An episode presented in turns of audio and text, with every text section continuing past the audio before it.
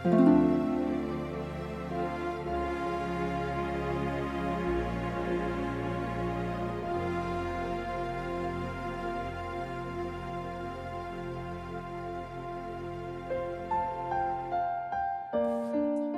Lovers yang terkasih, salam jumpa dengan Romo Joko dalam Pungta hari ini.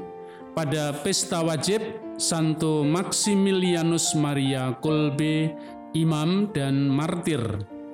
Diambil dari Injil Matius bab 19 ayat 13 sampai 15. Renungan kita berjudul Wisanggeni, anak kecil yang disio-sio. Setelah mengalahkan Prabu Newoto Kawoco yang memberontak di Kayangan, Arjuna diberi hadiah seorang betari atau dewi namanya Dewi Tresnonolo. Mereka hidup bahagia di Kayangan. Tresnonolo kemudian mengandung seorang bayi.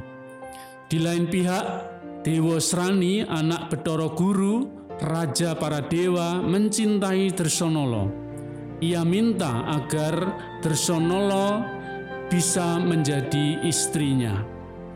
Betoro Guru, ayah dari Dewa Serani, menyuruh para dewa agar mengusir Arjuna dan memaksa Drsonolo mau menjadi istri anaknya. Bayi merah yang baru saja lahir dari Drsonolo dibuang oleh Betari Durgo di kawah Condro Timuko. Maksudnya supaya bayi itu mati dimakan api. Tetapi bayi itu justru tumbuh berkembang menjadi anak yang gagah perkasa.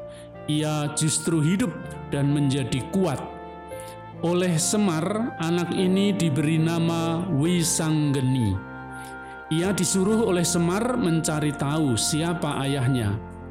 Ia bertanya kepada para dewa di kayangan, namun dewa-dewa tidak tahu siapa ayah Wisanggeni ini.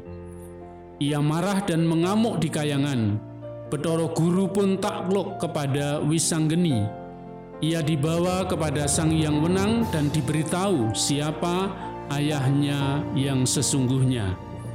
Bedoro Guru, Dewa Serani, dan Pedari Durgo, serta para dewa di kayangan minta maaf kepada Sang Yang Wenang karena telah merewoso anak yang tidak berdosa.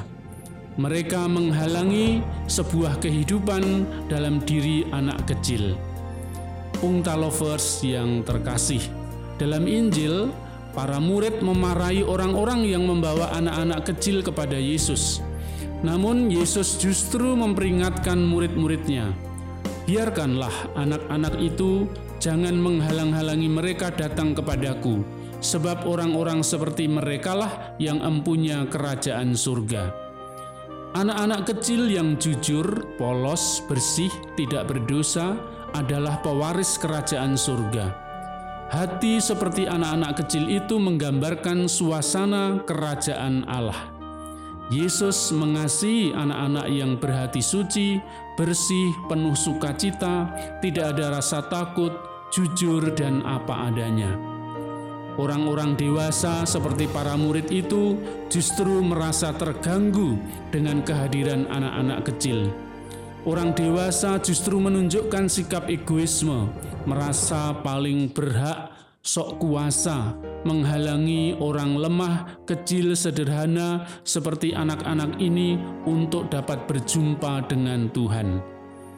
Pungta lovers yang terkasih, apakah sikap hidup kita seperti para murid itu yang menghalangi berkat Tuhan turun kepada orang lain?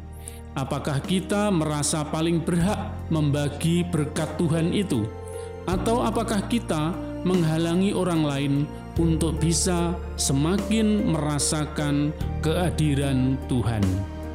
Kalau mau tape ketan, kita pergi ke Mundilan.